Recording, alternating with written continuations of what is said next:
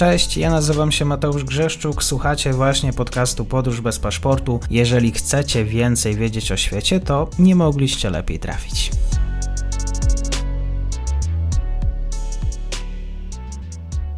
Dzień dobry wszystkim słuchaczom. Dzisiaj na kanale po raz kolejny Tomasz Rutkowski, fotograf, filmowiec, pasjonat geografii, geopolityki. Dzień dobry, bardzo mi miło.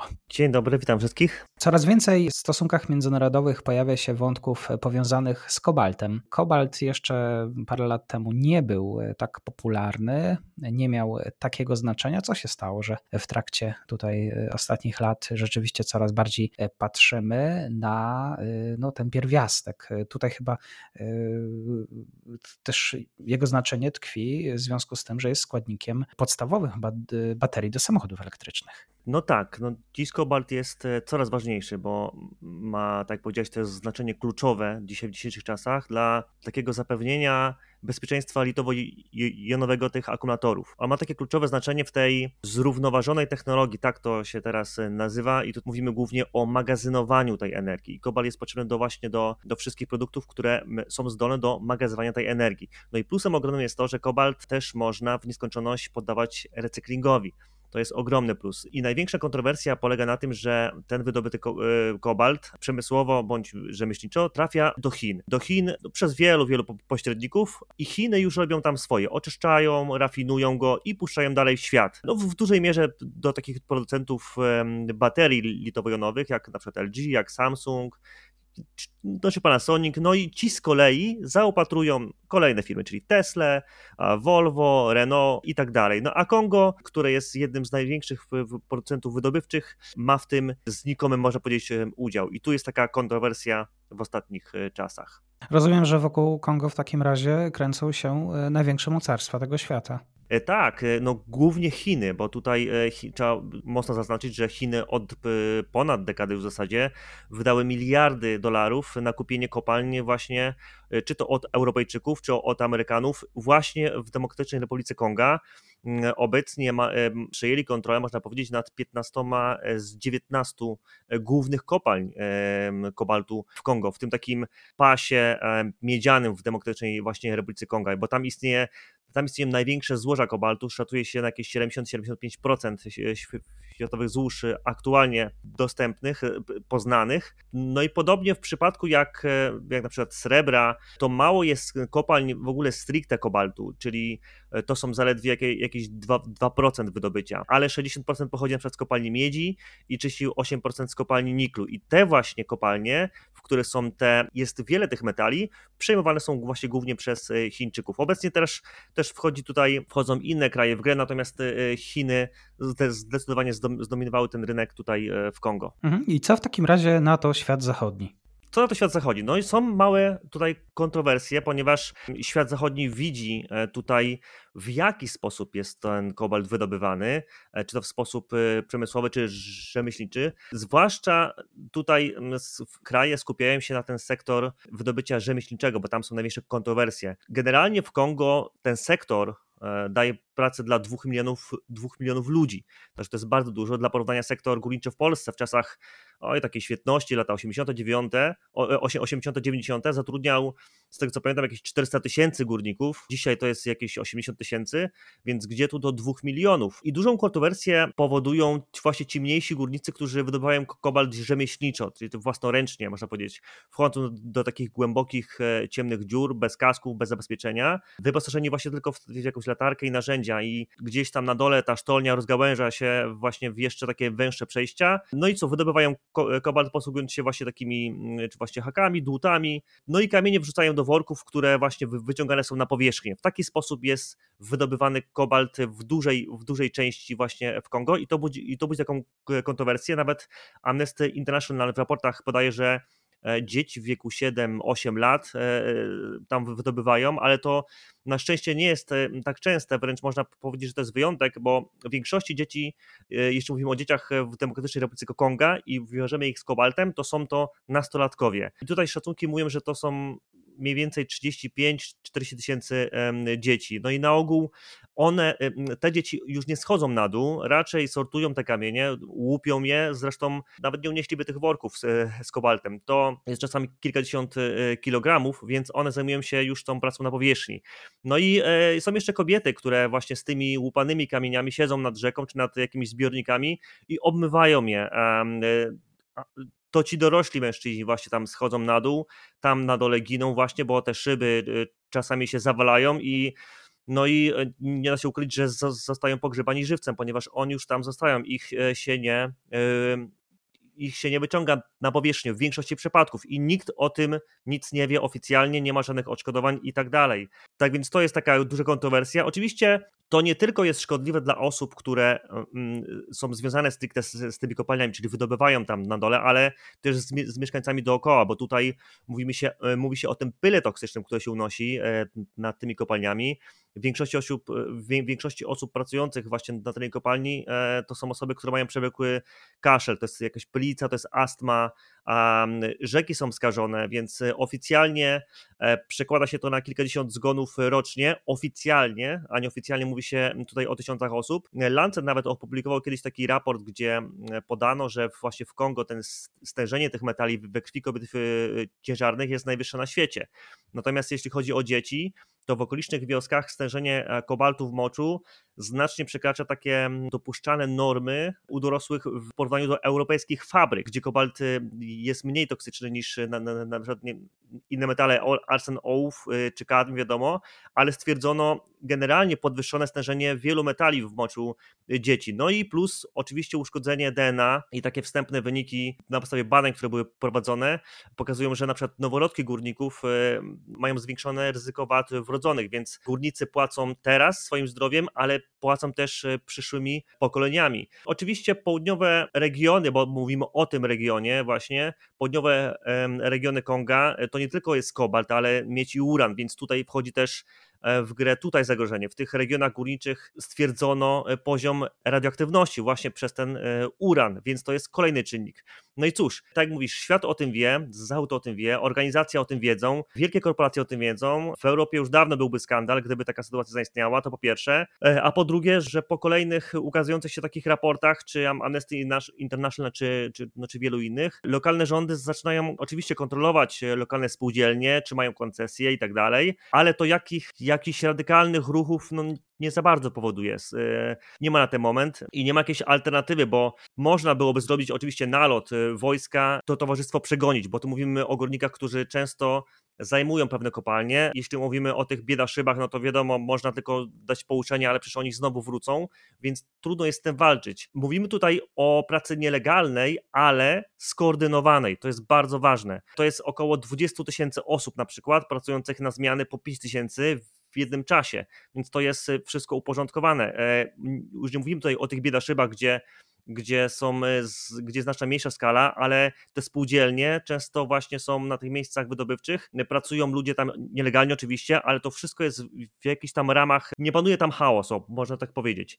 No i teraz, nawet jeśli komukolwiek uda się z tych górników, na przykład, e, jeśli komukolwiek, którykolwiek z korporacji uda się usunąć, załóżmy, stamtąd górników, to z, zabiorą im, można powiedzieć, możliwość e, zarabiania na jedzenie, bo o to tutaj głównie chodzi. To nie jest tak, że te osoby tam pracować nie chcą, że się buntują, że nie mogą stamtąd się uwolnić, że to są obozy pracy, tylko oni w ten sposób zarabiają na jedzenie i nie ma innej alternatywy. Jeśli ktoś by ich stamtąd usunął, to przejdą w inne miejsce, ponieważ inaczej zostaną wpędzeni w ubóstwo. No bo nie mają innej alternatywy. No i póki co zarabiają tam od 1 do 3 dolarów dziennie. Widziałem wiele takich e, artykułów, gdzie jest napisane, że generalnie tam się zarabia do 3 dolarów, ale to nie jest prawdą, bo, bo to nie wszyscy. Ci pracujący w bardziej tych takich legalnych spółdzielniach zarabiają nawet po 200 dolarów tygodniowo, więc to jest duża różnica. Oczywiście są często jeszcze takie łapówki, tak, w tym takich mniej legalnych miejscach, tak zwane wpisowe, żeby na przykład być wpuszczonym do kopalni, to około pół dolara trzeba zapłacić, e, czasami odpalić strażnikowi, ale to raczej w tak zwanych mniejszych e, biedaszybach, gdzie na przykład właśnie urobek jest e, nie zanoszony do hurtu czy do tego właśnie właściciela, tylko na jakieś właśnie pobliskie targi, do jakichś kupców i ci zarobią o wiele, wiele mniej, bo od tych górników właśnie w spółdzielniach, to oni właśnie zarabiają do 3 dolarów załóżmy na, na dzień. No i cóż, oczywiście kongijski rząd zaczyna wyznaczać e, tym, gór, tym górnikom e, rzemieślniczym strefy tak zwane, gdzie oni mogą kopać legalnie. E, takie są takie wyznaczone miejsca w ramach właśnie tych spółdzielni, które to spółdzielnie kontrolują ten, te całe wydobycie. No ale zawartość kobaltu właśnie w tych skałach jest, można powiedzieć, taka no, symboliczna, co sprawia właśnie, że te miejsca po prostu są nieopłacalne i, i te osoby przechodzą do innych miejsc, gdzie są bardziej opłacalne i w większości wolą działać na istniejących już koncesjach przemysłowych, tak jak na przykład em, w Szabara, e, w takiej kopalni położonej e, niecałe 50 km od większego miasta Kolwezi. To jest takie czwarte do, co do wielkości miasto w kraju.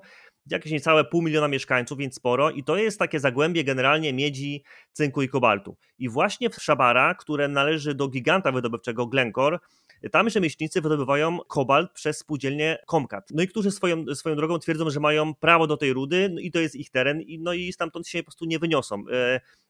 Czy to są ich rdenne tereny i mają prawo do nich e, korzystać, z ich zasobów czerpać zysk. No i sama sytuacja, w jakiej znalazło się właśnie Glencore, ta spółka zagraniczna i Comcat jest bardzo ciekawa, bo w 2010 roku wspomniana właśnie ta firma Comcat podpisała umowę, e, na której właśnie ma możliwość wydobycia kobaltu na koncesji tamtego właściciela wcześniejszego. To był e, Dino Steel i to uprawniało ich do eksploatowania właśnie złoża, no co dzieje się po dziś dzień. I w 2015 roku pojawiła się taka wiadomość, że to Dino Steel właśnie sprzedaje Szabara. W umowie jest taki zapis, że, że rezygnacja z tego wydobycia właśnie przez Comcat może zaistnieć tylko wtedy, gdy obie strony, czyli właśnie Dino Steel i Comcat wyrażą na to zgodę obopólną.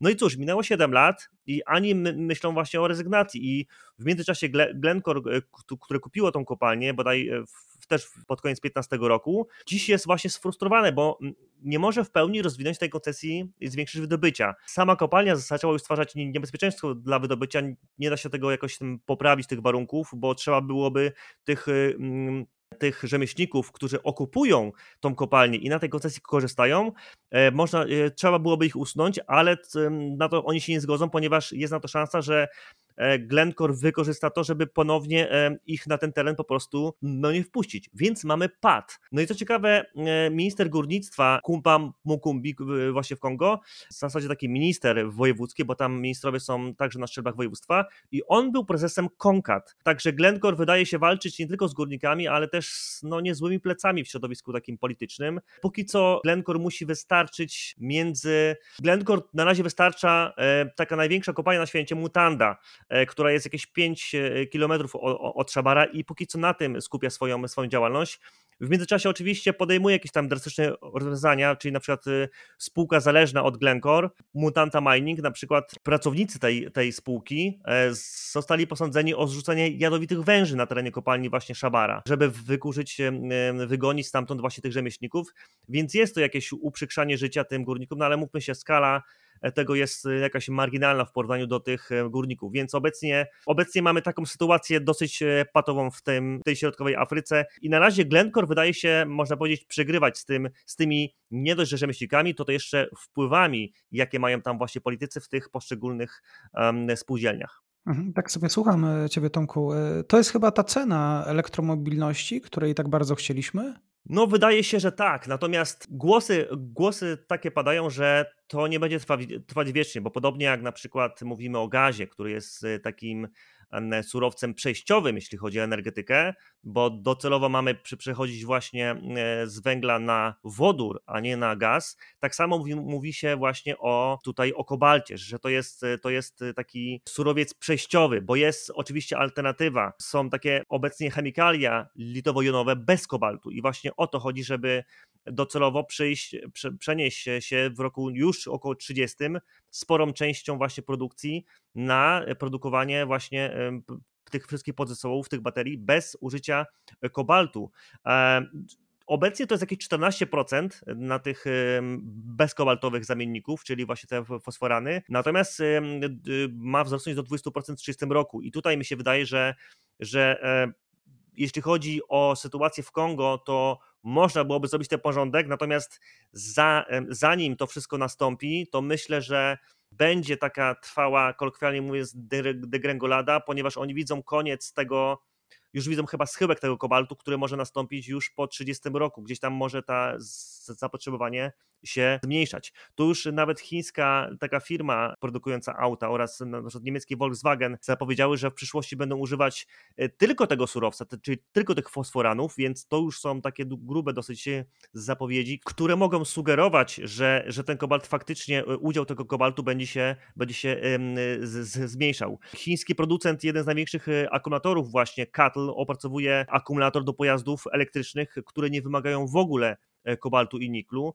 E, u Tesli natomiast pojawiła się informacja, że połowa pojazdów wyprodukowana w pierwszym kwartale tego roku powstała już bez właśnie użycia kobaltu w tych akumulatorach. Czyli nie jest tak źle. Branża szuka jakichś alternatyw, zgadza się? Tak, branża szuka alternatyw y, i też można powiedzieć, schodzą głosy tutaj od y, samej Demokratycznej Republiki Konga. Ona zauważa, co dzieje się, jak, jak traci, jak ten, można powiedzieć, ostatnie 10-15 lat tej tego, tej zwyżki popytu na ten kobalt, y, widzi, że traci i może już za 10-15 lat będzie za późno, żeby, żeby mm, ten kawałek torta e, tutaj ugryźć. Teraz y, Demokratyczna Republika Konga zapowiedziała pewne zmiany w, w, w, prawie. Zresztą rząd Kongo widzi już właśnie zainteresowanie surowcem na świecie teraz aktualnie, więc uznał ten temat taki za strategiczny, żeby teraz się nim zająć, a nie za 10-15 lat, gdyby jest za późno. E, powstało nawet takie mm, powstało takie Enterprise General Decobalt, czyli EGC, tworzone właśnie takim dekretem już w zasadzie w 2019 roku, a w 2021 opublikowali takie pierwsze, można powiedzieć, standardy dotyczące wydobycia kobaltu. I tu zaczęły się zmiany, e, bo zaczęło, zaczęto w praktyce nadzorować ten rynek. Znaczy w praktyce, bardziej w teorii niż w praktyce. W zamyśle chodzi właśnie o ochronę rzemieślników, o rozwój tego sektora i przeniesienie, e, właśnie podnoszenie tych standardów, no i czerpanie jak największych zysków, czyli chodzi o skrócenie tego do maksimum, tego łańcucha dostaw, tych y, łańcucha pośredników, dzięki czemu więcej pieniędzy zostanie właśnie w Kongo. No i w ramach tej właśnie działalności oczywiście mają e, monopol na zakup całej produkowanej lokalnej rudy przed jej przetworzeniem i oczywiście wysłaniem. No i póki co jest taki, póki co jest to bałagan no jak w Kongu, Spółdzielnie twierdzą, że EGC jeszcze nie zaczęło w ogóle kupować tego kobaltu od nich. W związku z tym taka pani minister e, do spraw kopalń chce anulowania w ogóle tego, tego dekretu, tych, tych uprawnień, jakie ma EGC, czyli ten monopol, jaki ma i mówi tutaj, że e, o, o, mówi tutaj o konflikcie w departamentach rządowych nawet, czyli czę, częste zmiany kierownictwa i tak dalej. No i dla, dla, mnie, dla mnie to jest znak jasny, czyli w ten sposób EGC dostało prawa nie do końca zgodne z prawem i od trzech lat w sumie nie ruszył zakup nawet e, te, te, tego kobaltu, więc e, przejęcie tego łańcucha dostaw nawet nie, nie nastąpiło. Jest wielka degrangolada, jeśli chodzi o ich w ogóle organizację.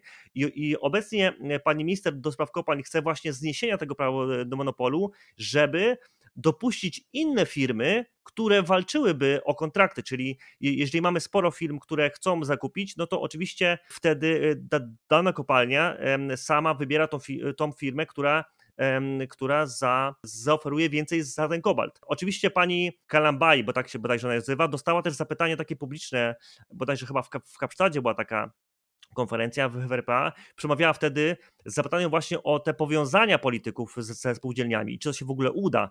No i on, e, ta pani minister właśnie powiedziała, że powiedziała krótko, że, e, że starają się restrukturyzować to wszystko, więc widać, że lata mijają i nic się tam nie zmienia, mogłoby się sporo polepszyć, natomiast problem jest na tym etapie rządzących, którzy, którzy zanim zaczną skupować ten kobalt od swoich właśnie e, kopalń, to kłócą się, kto ma mieć z tego największy zysk. No niestety, świat pieniądza wchodzi również e, w, wiąże się głęboko z kwestiami środowiskowymi, ekologią i wielkiego polityka w tle. Bardzo dziękuję za ten komentarz, Tomasz Rutkowski. Do usłyszenia. Dziękuję również. I to już koniec na dzisiaj. Zapraszam na profil podcastu Podróż bez paszportu na Facebooku, Instagramie i Twitterze. Zachęcam też do wsparcia mojej pracy na serwisie Patronite oraz Buy Coffee. Do usłyszenia.